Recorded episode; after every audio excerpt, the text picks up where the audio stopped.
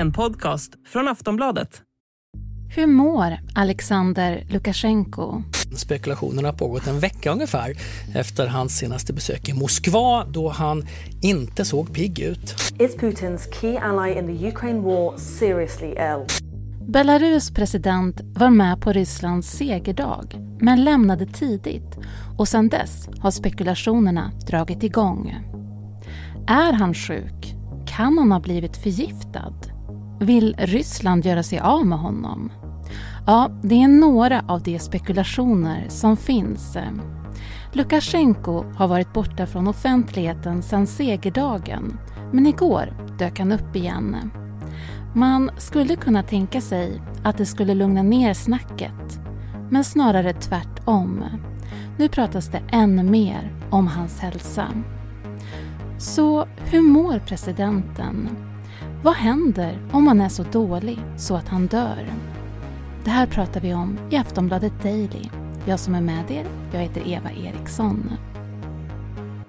Dagens gäst det är Jakob Hedenskog, analytiker vid Centrum för Östeuropastudier på Utrikespolitiska institutet. Hur mår Lukasjenko? Det, vi vet inte så mycket om det. Han eh, var i Moskva på segerdagen den 9 maj. Eh, satt på tribunen där och eh, såg inte riktigt frisk ut och man såg att han var bandagerad också på höger handled. Han eh, deltog i segerparaden men inte, eller åtminstone som publik, men han eh, deltog sen inte i den lunch som, som Putin hade planerat.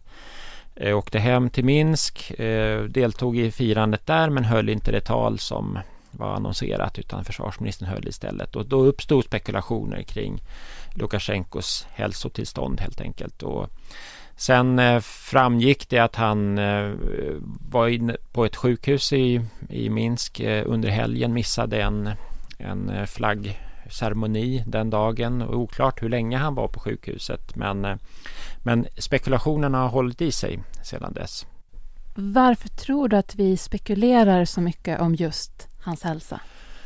Ja, det beror ju på att eh, Lukasjenko är en väldigt mäktig person naturligtvis eh, i, i, Belarus. Han är ju också, han är förutom president också överbefälhavare för de belarusiska styrkorna och eh, sen är ju Belarus ett diktatoriskt system vilket gör att det finns ett underskott av information när det kommer till sådana här händelser. De myndigheterna ger ingen trovärdig information eh, om presidentens hälsa och då kan ju eh, hans frånvaro från offentligheten bara under några dagar då sätta igång spekulationer eh, kring hur han verkligen mår och då uppstår en nervositet också i systemet om vad som ska hända om, eh, om den här diktatorn faller ifrån. Mm. Eh, vi kan ju dra oss till minne också att eh, Belarus utrikesminister Vladimir Makej dog under mystiska omständigheter så sent som i november förra året. Han var mitt uppe i sitt eh, politiska värv och eh, hade inga eh, kända sjukdomar eh, och då uppstod också spekulationer kring varför han plötsligt gick bort medan han var utrikesminister och på samma sätt då så gav regimen ingen förklaring till, till varför det han hade gått bort helt enkelt. Och det uppstod spekulationer kring om han kunde ha blivit förgiftad till exempel. Och liknande spekulationer uppstår också i det här läget. I det här läget, vad finns det för spekulationer kring eh, vad som har hänt, hur han mår och allt sånt? Nej, men det är allting från att han kan ha blivit förgiftad, eh, om det är Ryssland som ligger bakom eh, eftersom han då, hans tillstånd uppdagades medan han var i Moskva. Eh, eh, allt det där är ju bara spekulationer som vi inte vet något om men det, det föds ju, göds ju av den frånvaron av information som, som vi har. Eh, och eh, naturligtvis så eh, uppstår då rykten kring eh, vem som ska kunna ta över om Ryssland har iscensatt ett scenario här där Lukasjenko ska försvinna och sen ska Ryssland kunna tillsätta någon mer lydig underhuggare som, som säga, för fram Rysslands eh, ja, implementerar Rysslands mål så att säga vad det gäller Belarus. Men man tänker ju att de redan är så bra vänner. Jo, eh, både och. Eh, Lukasjenko och Putin har ett, eh, ett, en udda eh, relation i den bemärkelsen att eh, de står ju varandra väldigt nära. Lukasjenko har ju knutit hela sin politiska framtid kring, kring Putin och Ryssland efter det här presidentvalet 2020 som han eh, beskylldes för att ha bestulit. Då. Eh, och eh, samtidigt så eh, båda länderna befinner sig ju en, i en process sedan väldigt länge med att upprätta en unionsstat och Lukasjenko har levererat mycket av det som Ryssland ville avseende militär integration och, och eh, ekonomisk integration. Men han har ju velat hålla kvar liksom belarusisk suveränitet eh, och inte gett med liksom på, på många punkter och förhalat den här processen också vilket gör att Putins och Rysslands tålamod med honom eh, har varit på upphällning många gånger eh, tidigare och eh, det är så med, med Putin och Ryssland att det eh, Putins mål är ju så att säga ett rysk, en rysk stormakt inom ramen för de gränser som Sovjetunionen hade eller tsarryska imperiet innan dess. Och, och även om Belarus är en, en lydig följare i stort så att säga i det projektet så är det så att eh, Putin använder sig av Lukasjenko så länge han känner att han har, kan få ut någonting av honom. Men när han inte får det längre, då är han beredd att offra honom. Men är det märkligt nu att man inte går ut med mer information? Ja, nej, men det ligger i det diktatoriska systemet att eh, man vill undvika alla former av osäkerheter kring eh, ledarens eh, förehavanden och eh, belarusisk media, den officiella medien eftersom det, det, finns ingen oppositionell media längre eller någon som inte är regimstyrd i själva verket, går ju ut på att visa presidentens eh, dag, liksom hans eh, olika framträdanden, hans möten, eh, hans olika uttalanden och så. Och när han då uteblir eh, ett antal dagar så uppstår en, en osäkerhet om var han befinner sig. Vi har ju sett liknande med, med Putin faktiskt eh, under, ja, under perioder och där han, hans frånvaro väcker spekulationer. Mm. Men igår då dök han upp igen, Lukasjenko. Ja, eh, han eh, efter att då ha varit frånvarande några dagar och hans sjukhusbesök blev då eh, under helgen blev då eh, spädde på spekulationerna så uppträdde han eller framträdde på en militäranläggning. Det var någon form av pressmöte där och han eh, men det födde egentligen, det spädde egentligen på ytterligare spekulationerna för han såg inte riktigt frisk ut där heller. Man såg att han förmodligen var ganska kraftigt sminkad. Han hade bandage, inte bara eller kanske tidigare på den högra handen och nu på den vänstra. Eh, han hade också en sån här termomugg som vi har sett att Putin har haft eh, i internationella sammanhang, alltså en plomberad mugg som man har då om man inte vill riskera att utsättas för någon form av förgiftning eller något liknande. Eh, och ehm, eh, han gav också ett, ett eh, bekräftelse på att eh, Ryssland har förlorat fyra flygfarkoster, två flygplan och två helikoptrar nedskjutna i Brianskregionen i Ryssland som gränsar till Ukraina. Och det var ett en incident då, som inte ryska myndigheter hade bekräftat. Men Lukasjenko ja, sa att, att Ryssland hade förlorat fyra stycken eh, flyg, flygfarkoster så att säga. Eh, och det var ju också lite märkligt att ta upp det i, i ett sådant sammanhang. Då. Vet vi varför han kan tänkas ha ta, ta upp den delen? Nej, det, Lukasjenko är lite besynnerlig på det sättet att han ofta går lite vid sidan av protokollet. Han, han håller sig inte alltid till de, till de planerade talen utan eh, ofta så väntar hans, hans eh, när man lyssnar på honom eller de som följer hans, hans tal väntar på de här tillfällena då han, då han säger lite information som inte är planerad. Det, och det här var väl ett sådant tillfälle. Aftonbladet Daily är strax tillbaks. Say hello to a new era of mental health care. Cerebral is here to help you achieve your mental wellness goals with professional therapy and medication management support. 100% online. You'll experience the all new Cerebral Way, an innovative approach to mental wellness designed around you. You'll get a personalized treatment plan from a therapist, prescriber, or both in a safe and judgment free space.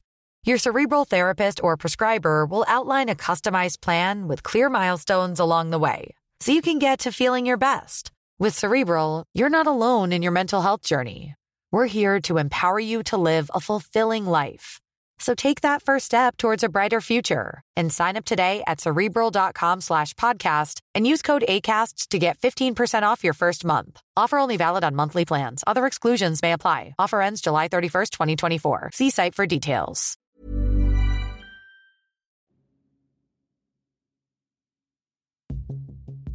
Vad betyder det ifall han står nära inför döden? Ja, vi, vi ska inte hymla om, eh, om det. Menar, han är 68 år, inte en jättehög ålder, men, men eh, sannolikt så kan han ju befinna sig i slutet på sin politiska karriär och eh, jag skulle nog säga att eh, Ryssland eh, har redan planer så att säga för post Lukasjenko hur man ska agera. Man får förmoda att Ryssland då vill tillsätta någon person då som man litar väldigt fullt på eh, och det kan vara någon person i militära eller säkerhets, eh, ja, säkerhetsapparaten så att säga eh, som, står, som står Ryssland nära.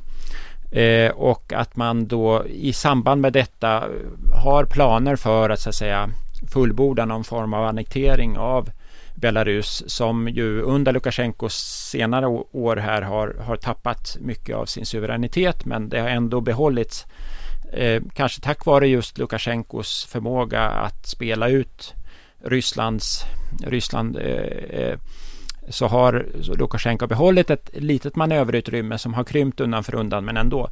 Och att det här skulle ge Ryssland ett tillfälle att, så att säga, fullt ut annektera Belarus. Berätta ändå lite mer också om Belarus roll i Ukraina-kriget. Ja, eh, Lukasjenko har ju tillåtit Ryssland att använda Belarus territorium som ett uppmarschområde för invasionen i Ukraina. I samband med den fullskaliga invasionens inledning 24 februari så eh, anföll då Ryssland eh, Ukraina, norra Ukraina, gick mot Kiev från Belarus territorium. Eh, också när man lämnade norra Kiev Oblast så drog sig de ryska soldaterna tillbaka till Belarus territorium. Eh, man fick använda militära sjukhus, eh, järnvägar i Belarus då för, för denna, dessa operationer. Man har beskjutit Ukrains territorium eh, från, med artilleri från Belarus territorium. Eh, och man har också tillåtit eh, Ryssland att öva eh, under långa perioder under hela tiden för den fullskaliga invasionen. Och eh, det som Lukasjenko har så att säga eh, inte tillåtit då, det är ju att, att Belarus egna väpnade styrkor ska delta i kriget aktivt på Rysslands sida i, i Ukrains territorium. Han har sagt att eh, det skulle bli fallet om Ukraina anfaller Belarus territorium så skulle det Eh, då mm, Belarus går in i kriget och aktivt på Rysslands sida. Eh, å ena sidan så vet vi inte riktigt vad det skulle innebära i praktiken så att säga för kriget om Belarus eh, skulle gå in i, i kriget aktivt. Det, deras väpnade styrkor är, är inte eh, omfattar bara ungefär 60 000 man och eh, de är inte tränade för den typen av operationer kan man säga. Men det skulle naturligtvis innebära ganska mycket för att rita om kartan så att säga säkerhetspolitiskt om Ryssland fullt ut annekterar Belarus eh, och flyttar fram sina militära positioner till NATOs gräns, det vill säga gränsen då mellan, mellan Polen och Belarus eh, och det skulle innebära då ett ökat tryck så att säga på NATOs östra flank. Vad tror du kommer hända framåt? Vad ser vi för utveckling?